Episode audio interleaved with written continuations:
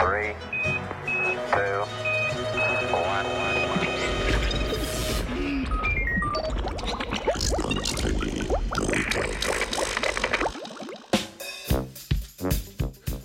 Še ena pomankljivost pomankanja spanca.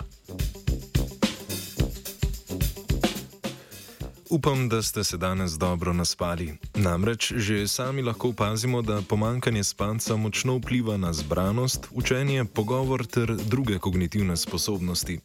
Raziskovalci in raziskovalke iz Tehnološkega inštituta v Massachusettsu pa v reviji Scientific Reports poročajo, da lahko razlike v količini spanca močno vplivajo tudi na naš nadzor hoje. Za sodelovanje v poskusu je raziskovalna skupina povabila 30 prostovoljcev, študentov in študentk iz Univerze v São Paulo. Na začetku poskusa so vsi dobili pametne ure, s katerimi so najprej 14 dni spremljali svoj normalen ritem spanja in dejavnosti. S temi informacijami je raziskovalna skupina lahko določila njihove naravne vzorce spanja. Na 14. dan so vsi preizkušanci in preizkušanke prišli v laboratorij na test hoje na tekaški stezi. Skupino desetih naključno izbranih študentk in študentov pa so že večer pred testom povabili v svoj spalni laboratorij, kjer so jih prosili, da ostanejo budni vso noč. Ta skupina je namreč predstavljala njihov vzorec za preučevanje akutnega pomankanja spanca. Na testu je raziskovalna skupina preizkušancem in preizkušankam naročila, naj svoj ritem hoje uskladijo z ritmom metronoma, naprave, s katero udarci lahko določamo tempo. Pomankanje spanja je namreč povezano z nižjo aktivnostjo v delih možganov, ki vplivajo na naš čas odzivnosti na določen držljaj. Ob pomankanju spanca je tako težje slediti ritmu metronoma.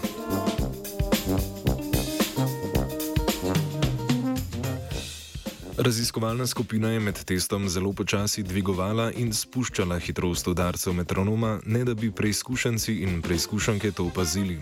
S pomočjo kamer so posneli njihovo hojo in natančno preučili trenutek, ko se je njihova peta dotaknila tekaške steze v primerjavi z udarcem metronoma.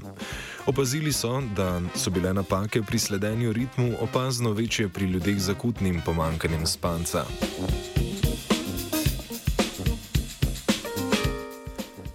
Tudi pri primerjavi tistih, ki so noč pred testom lahko prespali, je prišlo do pomembnih razlik. V raziskavi so namreč prišli do zaključka, da manj kot je študentka ali študent spal, manj nadzora je imel pri hoji. Njihov povprečen čas spanja je bil 6 ur na noč, medtem ko je priporočljivo spati 8 ur. Na testu hoje so se veliko bolje odrezali tisti, ki so svoj primankljaj spanca med tednom nadomestili z daljšim spanjem ob koncu tedna in prostih dneh.